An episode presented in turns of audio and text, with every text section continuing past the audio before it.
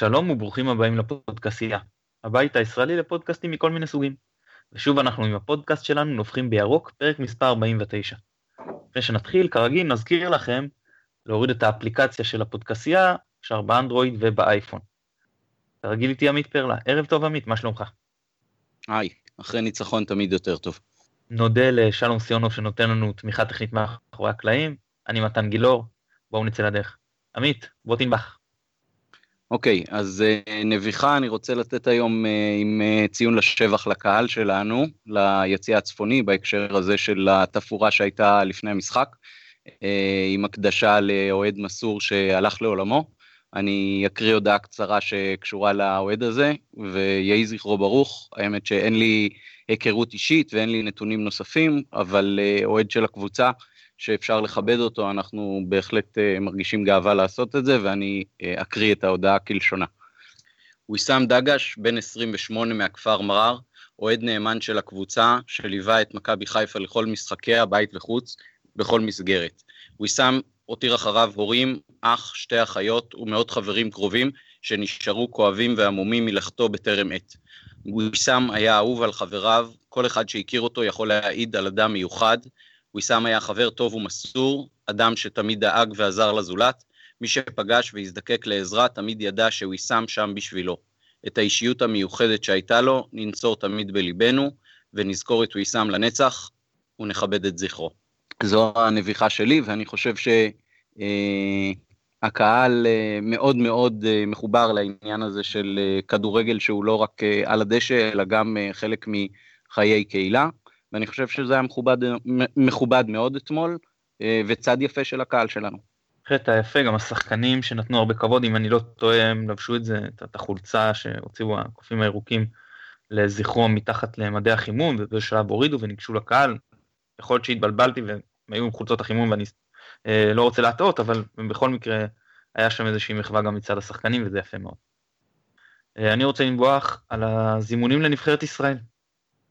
אני חושב שתמיד יש שחקנים של מאמן.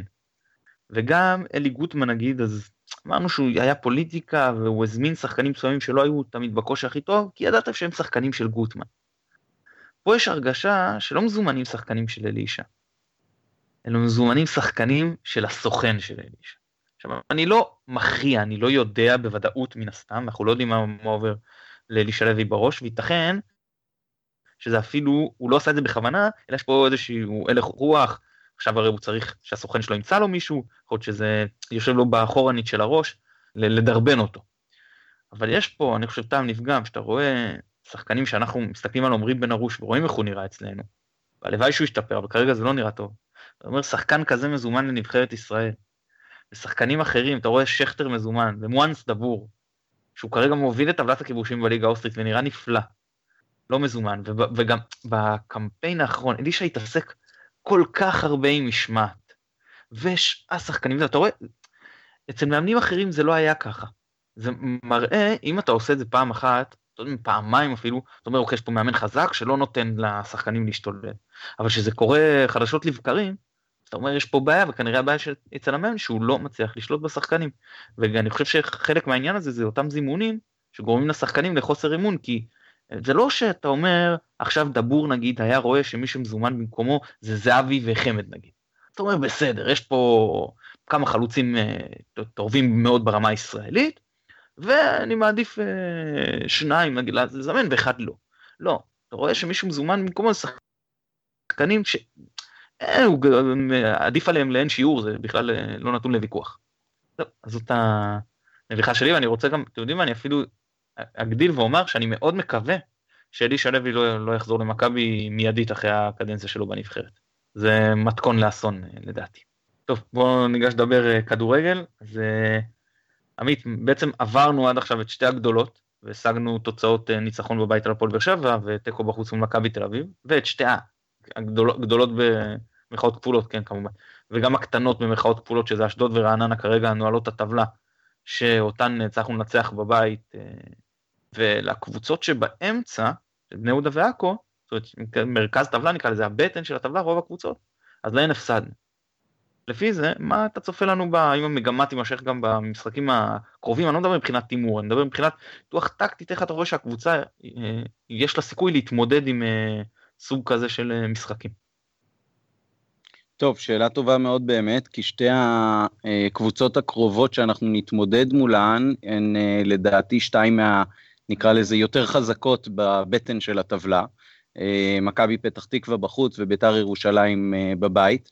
אה, לפחות לגבי ביתר ניתן להמר שהיא כן אה, תשחק פתוח וניתן יהיה אה, לשחק לא מול בונקר ולא מול קבוצה מתגוננת. אז יכול מאוד להיות שאנחנו נראה משחקים בדפוס של מה שהיה מול באר שבע ומכבי תל אביב, כשאני כמובן מקווה שאנחנו נראה הרבה יותר טוב. אה, מול מכבי פתח תקווה, אה, אני קצת אה, קשה לחזות מה יהיה שם, אבל זאת קבוצה שלדעתי תהיה בנויה יותר על להתגונן מולנו, וזה יהיה קשה.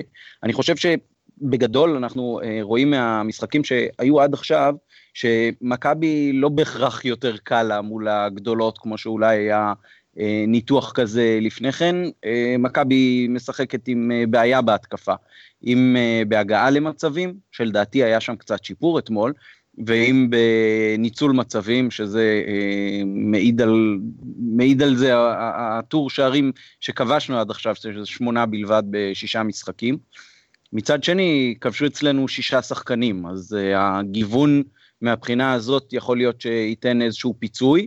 Uh, כמו שאמרנו בפרק, כמו שאני אמרתי בפרק הקודם, אני חושב שזה חודש מבחן בשביל uh, לוזון אה, מול מכבי תל אביב זה היה בפירוש אה, סוג של שפל המדרגה, כשמול עשרה שחקנים אה, שיחקנו משחק מאוד מאוד אימפוטנטי, בלי להיכנס לרחבה של היריב, ועם מעט מדי בעיטות לשער, ועם סיכון מועט מאוד לשער של היריבה. והחודש מבחן הזה התחיל אתמול במשחק לא כל כך טוב שלנו. היו הזדמנויות, השוער שלהם עצר כמה כדורים יפים, אבל בסך הכל אני חושב שאנחנו מבינים שזה עוד לא שם. אם יימשך שינוי במובן הזה שאנחנו כן משחקים יותר התקפי ומצליחים להגיע למצבים, אז יש למה לצפות. ואם השיפור הזה לא יגיע, אז יכול להיות שיהיה מאמן אחר כשבוזגלו כבר יחזור לכושר. טוב, אני, אני עובר בקצרה למשחקים הקרובים. זה מכבי פתח תקווה בחוץ, אחרי זה בית"ר ירושלים שאני מחריג אותם לרגע בדיוק מהסיבות שאמרת, שהם, סביר להניח שמולם יותר נתגונן. ואז קריית שמונה, סכנין, נתניה, דרבי, אשקלון ושום בני יהודה, ואז זה משחק בטרנר. אנחנו הולכים פה ל-1, 2, 3, 4, 5, 6, 7, 7 מתוך שמונת המשחקים הקרובים. קבוצות שלאו דווקא התגוננו, אבל זה לא קבוצות שיבואו מבחינתן לשבת עלינו, זה קבוצות שמשחקות את המשחק אה, מעבר, ולא קבוצות שכמו אה, בית"ר ירושלים, הפועל באר שבע ומכבי תל אביב, זה קבוצות שבאמת אה, מחזיקות הרבה בכדור, גם אנחנו מחזיקים הרבה בכדור, אבל אצלנו זה נראה סתם החזקה סתמית של מסירות בין הבלמים, והם באמת אה, חותרים למגע מה שנקרא. אז אה, אני חושב שמול קבוצות כאלה, הכי קשה לנו.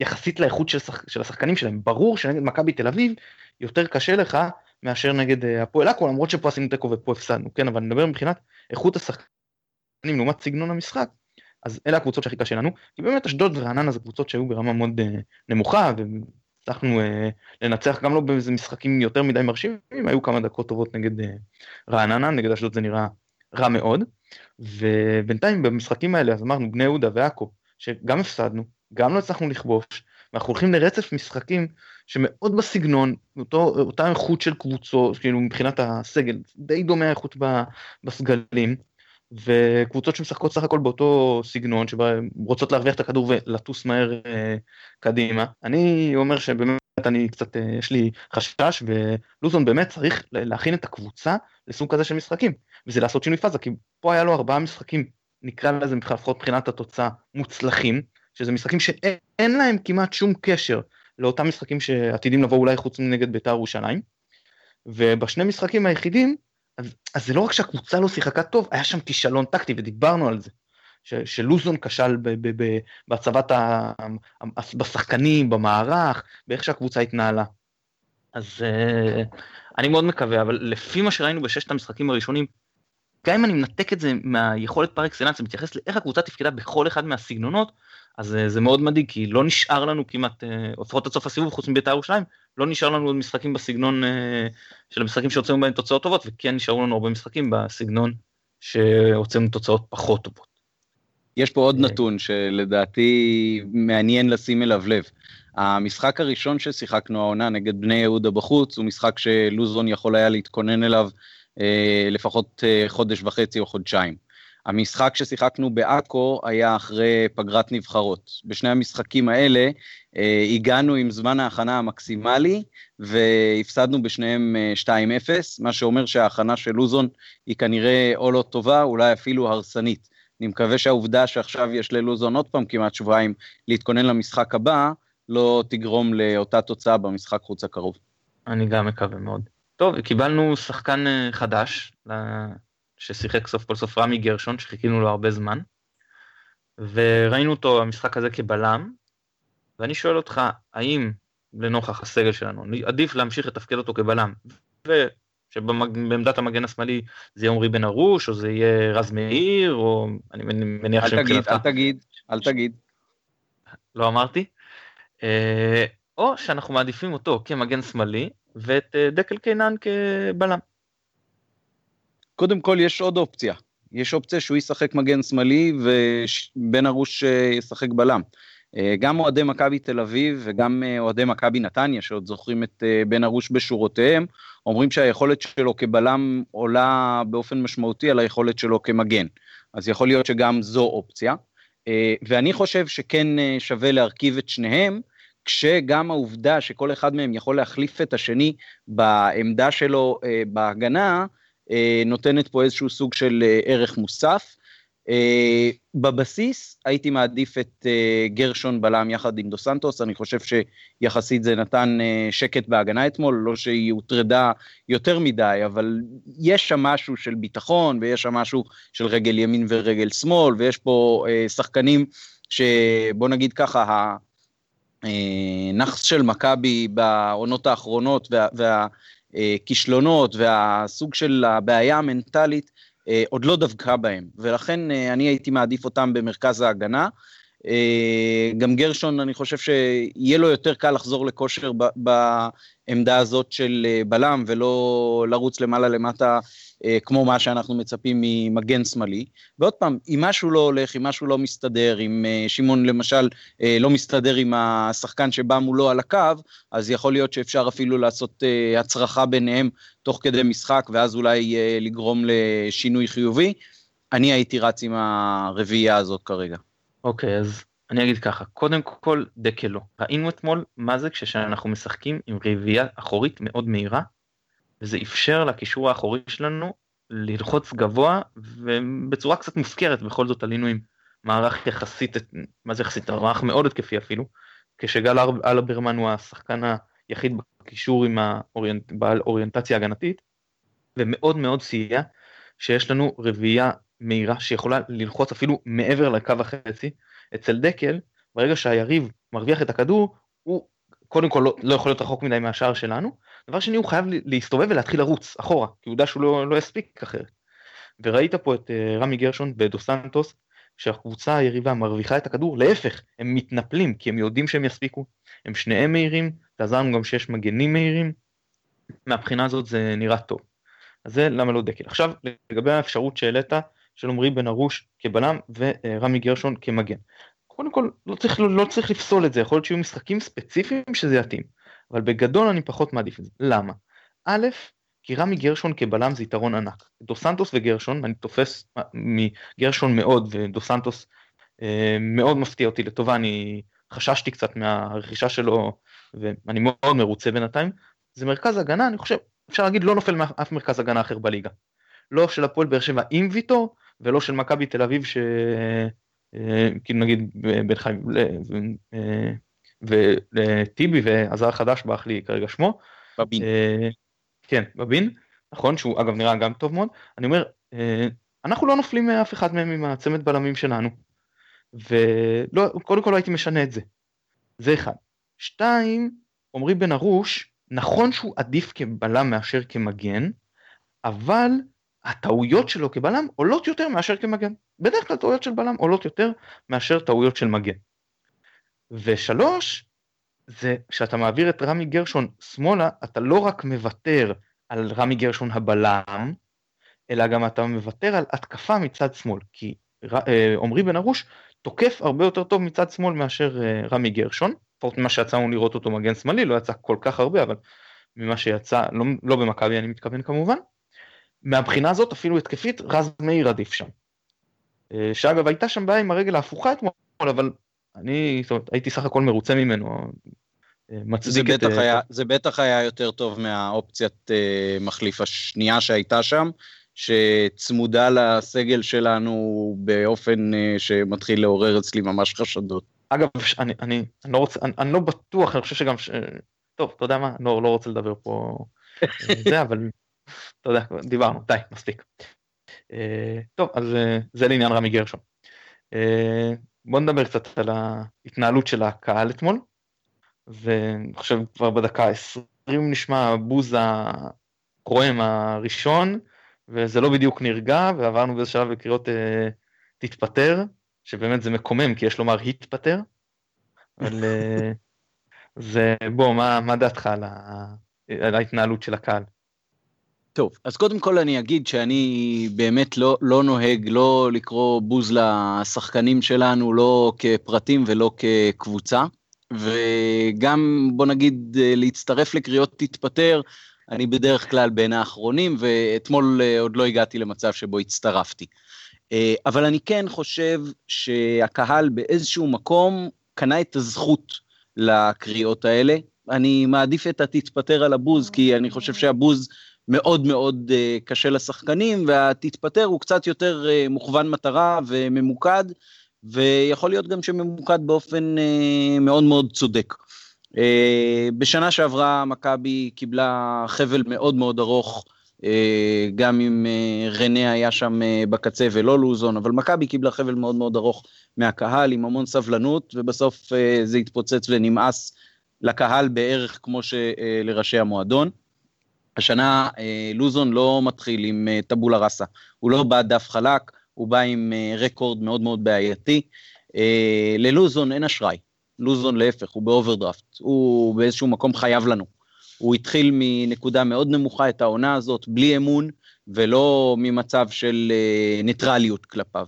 הוא עשה פלייאוף גרוע בשנה שעברה, אה, הוא אימן אותנו אתמול בפעם ה-20, ב-12 מתוך 20 המשחקים האלה מכבי לא כבשה, אה, ללוזון יש הרבה מה להוכיח, הוא צריך לקנות מחדש את אמון הקהל, וחלק מהעניין הוא שהקהל אה, לא הולך שבי אחרי השלוש נקודות של אתמול, הוא לא הלך אחריהם לא בדקה ה-20 ולא כשהובלנו 1-0, ולא, ולא כשלא הצלחנו להכניס את השני והשלישי כמו שאמורים היינו לעשות.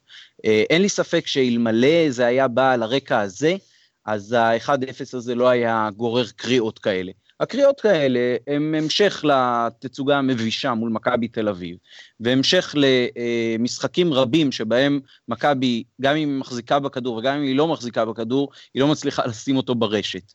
ולוזון יכול באיזשהו מקום לבוא בטענות רק לעצמו, ולנסות להראות שהוא שווה יותר מזה.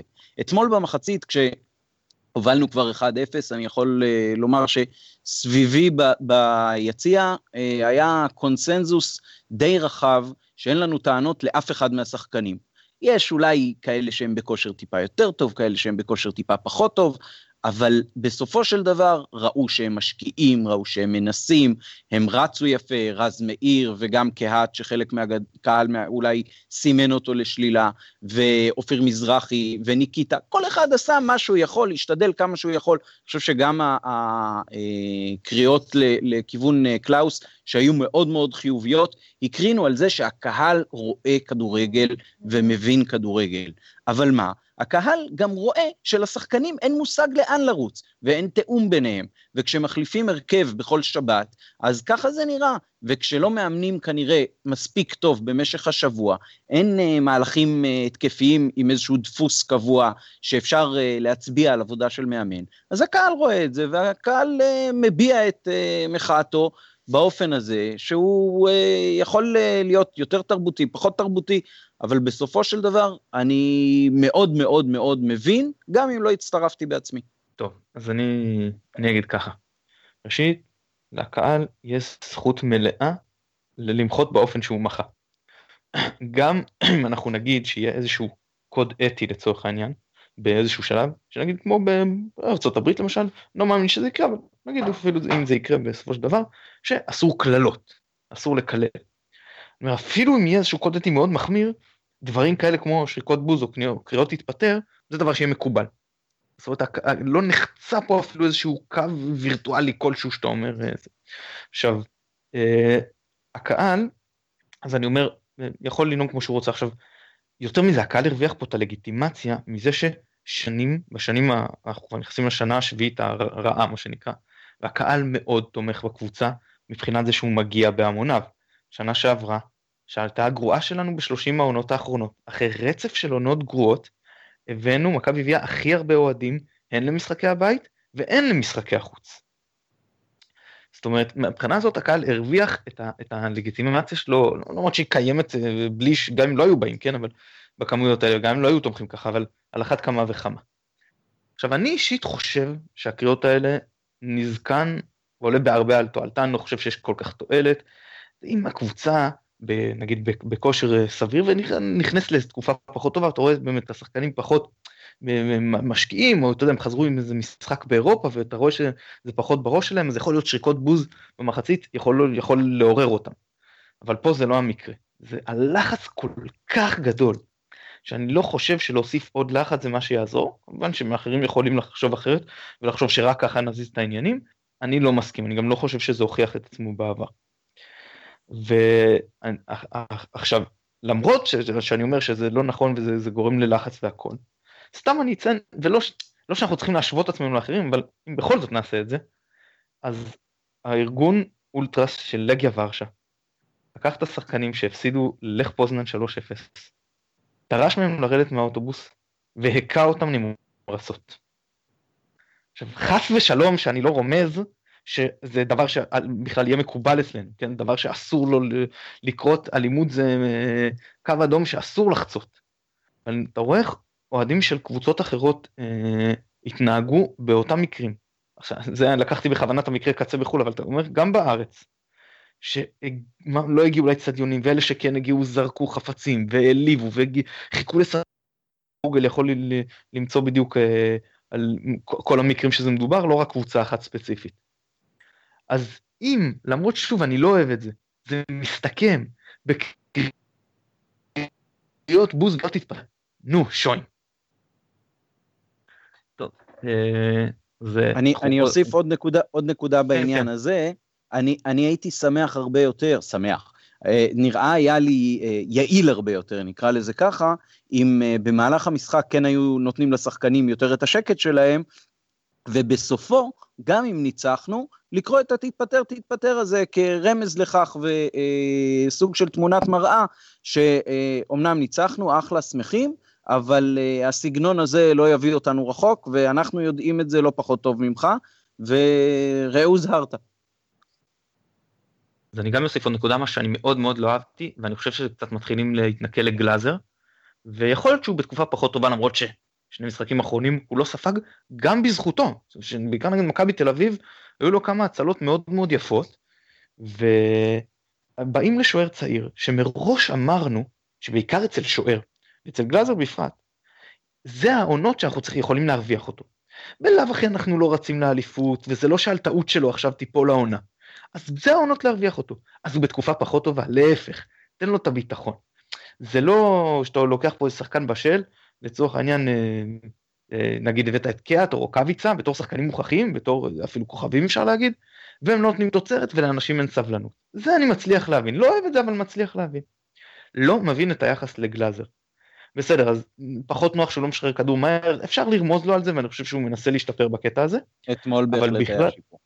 נכון, אבל לבוא ואחרי כל פעם שהוא תופס אוויר, להתחיל לשרוק לו בוז, זה באמת, זה מיותר, זה לא מוביל לשום מקום. ואגב, הוא, הוא שוער טוב מאוד על, ה, על, ה, על הארץ, זאת אומרת, אה, על הקו, גם יש לו יציאות טובות, הוא לוקה באוויר וברגל, בדיוק כמו אביו הרוחני שמאמן אותו, ניר דוידוביץ', שגם הוא, אה, היה לו את אותם כן, אה, מרחיבים עכשיו את הסגל המקצועי, אז אולי צריך גם להביא עוד מאמן שוערים שיאמן אותו בחלקים האחרים.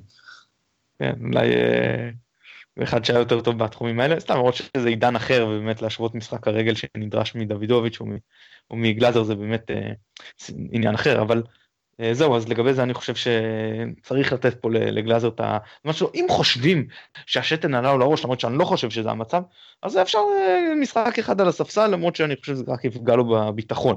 אבל כן, כן, הקהל לדעת... לגמרי איתך בקטע הזה.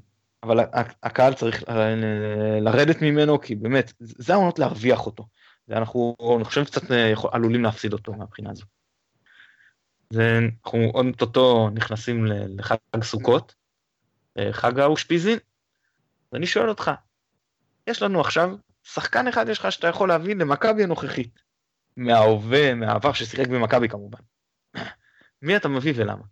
אה, טוב, האמת שהדבר הראשון שמגרה אותך לעשות זה לראות מי כרגע העמדות הפחות חזקות שלך. אה, אז אה, אם לא תלחץ אותי, אם תלחץ אותי לאחד, אז אה, אני חושב שז'וטאוטס אני חושב שז'וטאוטס זה סוג של שחקן, שאם יש לך אותו מאחורה, אז אתה אומר, אה, אוקיי, אני יכול לחשוב רק על החלק הקדמי של המגרש, כי החלק האחורי יש לי מי שמכסה אותו, ואת uh, מידת ההשפעה העצומה שלו על uh, מכבי, אפשר לראות בעונות שבהן הוא שיחק אצלנו, בין החלקים שבהם הוא uh, שיחק, לבין החלקים שבהם הוא נפצע. אני חושב שזה בפירוש uh, דפק אותנו חזק מאוד גם בעונת uh, צ'מפיונס הראשונה, אני חושב שאם הוא לא נפצע מול מנצ'סטר יונייטד, מכבי תל אביב לא לוקחת אליפות באותה עונה, אלא אנחנו. אה, ואני חושב שזה זה, זה סוג השחקן ש, שמידת ההשפעה שלו יכולה להיות הכי גבוהה, מה גם שזו עמדה אצלנו שהיא כרגע מאוד מאוד בעייתית. אם אתה נותן לי לשים שניים על אה, ספסל המחליפים של המחליף הזה, אז אחד זה אה, מסיללה כמגן שמאלי, אה, והשני זה הקוסם, שכשהיה צעיר יותר ודיבר בעיקר על המגרש, אה, סיפק לכולנו רגעים שאפשר רק להתגעגע אליהם. עוד שחקן שמשפיע בצורה דרמטית על, על חלק שלם של המשחק, וכישרון נדיר עם, עם כושר מסירה, וגם אה, מבחינת רוח הקרב שלו והמוטיבציה על הדשא, תמיד משהו שלא היה מוטל בספק, אפילו בנבחרת. טוב, אז אני גם חשבתי שהעלית את השאלה הזאת, אז חשבתי וגם אמרתי באמת איפה צריכים חיזוק, ועלה לי השם מסיללה, אני לא ראיתי את uh, ציון מרילי, אז אני לא יודע כמה טוב הוא היה, אבל uh, מסיללה בהחלט uh, היה יכול לשדרג אותנו, וחשבתי גם ז'וטה, וחשבתי יעקובו שאתה יכול פשוט להעיף כדור למעלה ויקרה משהו טוב, ואמרתי בניון, כי בניון, זה אם אתה זוכר כמובן, שבשיאו אצלנו, אפילו עוד לפני שיצא לספרד ואחרי זה אנגליה, הוא באמת, לא משנה איך הקבוצה הייתה נראית, הוא יכל לקבל כדור, לעבור שלושה ולתת את הפס הטוב. ואחרי התקפה שוב לעבור שלושה ושוב לתת את הפס הטוב, ואחרי התקפה שוב. את הדריבל שלו היה כזה Game Changer, שגם בתקופות הרעות ידעת שאתה זורק כדור ליוסי שם בצד, והוא ייצר איתו משהו. זאת אומרת, הוא בכלל לא קשור למה שאר החברים מסביבו עושים, הוא ידע לעשות עם זה. וגם הקטע של לחץ... מסכים איתך, מסכים איתך על יוסי, רגע, סליחה שאני קוטע, מסכים איתך על יוסי. אבל אה, אני כן חושב שיוסי, בעונות שהוא הביא תארים, אה, שיחק עם אה, שחקנים אדירים סביבו, ואני לא בטוח שבקבוצה כמו שאנחנו היום, הוא יהיה אה, מספיק יעיל בקטע הזה. יכול להיות, אני, אני אפילו מדבר עוד לפני, בעונות של אוהרין ואלי כהן, דו, דווקא בעונות של גרנט, גרנט הצליח קצת אה, לרסן אותו. לפני זה שהוא היה יותר פראי, אז, אז באמת, אני לא יודע אם אתה זוכר, הוא, הוא, אלי כהן אז, הרי לא, הוא רצה להחליף אותו בגביע והוא לא הסכים להתחלף בדרבי שניצחנו בפנדלים. אל תשכח ששני המאמנים האלה, עם זה שבניון היה אצלם ובשיאו הפראי כמו שאתה קורא לזה, שניהם פוטרו באמצע העונה. נכון, בסדר, נכון, אבל אה, אה, אה, אלי כהן לא פוטר, על, הוא פוטר בדיוק כי הוא לא צריך לשלוט בכוכבים. אבל מה שאני רוצה להגיד, שהוא נכנס אז למשחק העונה, הוא הכניס אותו נגד הפועל תל אביב, בחוץ, ב, ב, ב, ב, אני חושב שסיימנו בתיקו את המשחק, והוא הכניס אותו במחצית, זה, זה היה מצחיק, כי נו אתה נותן לו עונש ובסוף מכניס אותו, וראית מאותו רגע פשוט יוסי, שאתה יודע כאילו שרוצה לעשות דווקא וכאילו אני ועצמי, שאנשים יוכלו לראות את זה ביוטיוב אם זה קיים, כי הוא פשוט העביר שם שחקנים התקפה אחרי התקפה, ואתה יודע, זה באמת יוסי הגולמי. ואז אז, אז אמרתי, ז'וטה אגב, אני חושב שהוא גם היה לו פציעה, אני אפילו לא זוכר אם הוא ישב הרבה בחוץ או לא, אבל בעונה שהפועל תל אביב זכו בדאבל ב-99-2000. אם הוא לא נפצע אז אני גם לא, לא בטוח שאנחנו אה, לא זוכים באליפות, אבל... לגמרי איתך בקטע הזה. אז חשבתי וכולם, בסוף אמרתי, נו, הקבוצה שלנו, עם שלומי אזולאי, שהוא, אה, אתה יודע, בונה התקפות בסדר, לליגה שלנו טוב, אבל לא זה. בקצת שהוא שיחק, שאתרג אותה ככה, אז יש לי שם אחד וזה אייל ברקוביץ'. כי אייל ברקוביץ' זה מנהל התקפות מספר אחד שלי יצא לראות על, על כאילו יצא לי את זידן בצלון רמת גן, כן, אבל אם אני לא טועה, אבל, אבל אני מדבר כמובן ב, בליגה שלנו. אז זאת אומרת, אני, אני שוב, אני, אני לא אומר שהוא השחקן הכי טוב או הכי גדול שהיה במכבי, זה נתון לוויכוח, הוא בהחלט, בהחלט יש לו קייס, אבל בעת הנוכחית, השחקן שהייתי מביא זה ברקוביץ', כי את הפונקציה של, של ז'וטה, גם אם אתה צריך שני שחקנים, יש מי שימלא. ואת הפונקציה של ברקוביץ', היחיד שעוד איכשהו יכול למלא, זה אזולאי זה גם, אתה יודע, לא איזה גרויסע מציאה, וגם הוא פצוע לנו עכשיו, אז מבחינתי ברקוביץ' באמת, וכל הצעירים שמאזינים לנו, פשוט, אין לי, פשוט לכו לראות ביצועים של ברקוביץ', אבל אצלו אי אפשר לבוא ולראות highlights. זה לא כמו שחקנים כמו בן, בניון או עטר שאתה יכול לראות highlights ולהבין. לא, אצל ברקוביץ' אתה צריך לראות משחק שלם, איך זה לנוע, איך זה להשתחרר, לקבל את הכדור, ולדעת עוד לפני שהוא קיבל את הכדור, הוא ידע לאן הוא הולך למסור אותו. זה דבר, דברים שאין לנו כל כך, כל כך יכולים לדעתי להעיף את הקבוצה שלנו למעלה, כי אם לא היה כישרון, הייתי אומר לך, אולי יעקוב, אולי בניון, אבל לא, יש כישרון. ולא כמו פעם, אבל יש כישרון, וצריך מי שיפעיל את הכישרון הזה. ואין אף אחד שידע להפעיל כישרון כמו ברקוביץ'. דרך אגב, עוד אה, שתי מילים עליו. אה, בזמנו הרי משחקי הנוער של הקבוצה שוחקו בקריית אליעזר לפני המשחקים של הקבוצה הבוגרת. אז uh, כל בני הדור שלי שנולדו בתחילת שנות ה-70 והגיעו ליציע בערך יחד עם האליפויות הראשונות, אה, זכו לראות את אייל עוד בגיל הנוער ולראות אותו כבר בקבוצת הנוער עושה את זה. שתיים, כשהוא עלה לבוגרים, לשלמה שרף היה שטיק קבוע בעונה שתיים הראשונות שלו, אייל לא היה פותח בהרכב, אבל אם עד דקה 20-25 לא היה נכנס גול, הוא היה נכנס כמחליף כבר בדקה, כבר בתוך המחצית הראשונה. ואנחנו מדברים על תקופה שהיו שני, תקן אותי אם אתה שני חילופים לשחקני שדה נכון, וחילוף נכון, לשוער. נכון. טוב, אה, בואו נעבור לשאלות המאזינים, ננסה לעשות את זה זריז, לענות בקצרה. שואל אותנו שילון אליהו, למה שחקנים לא משתמשים ברגל החלשה במכבי? האם מדובר על היעדר יסודות או על היעדר ביטחון עצמי? אני מניח שזה מאוד אינדיבידואלי לכל שחקן ושחקן. אה, יש כאלה שהביטחון דופק אותם ויש כאלה שהכישרון דופק אותם. אה, בכל מקרה, שחקן אה, כמובן בליגה הראשונה מצופה ממנו שכן ישלוט בשתי הרגליים. אבל uh, רק מי שיודע לעשות זה כמו שצריך, כנראה שמצליח ממש. אין לי, אין לי איזושהי תשובה למה שחקנים עושים את זה, צריך לשאול אותם.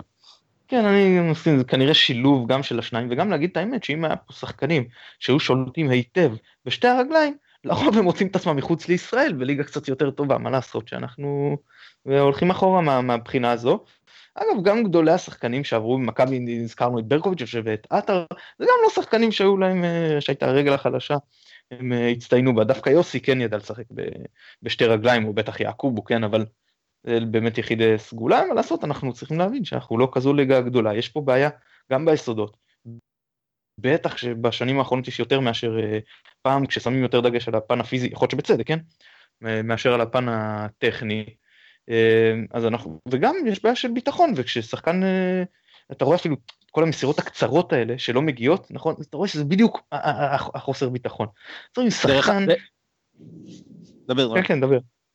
דרך אגב, אני חושב שאחת הסיבות שהמגן השמאלי המחליף שלנו ממוסמר לסגל, היא העובדה שהרגל החזקה שלו היא רגל שמאל.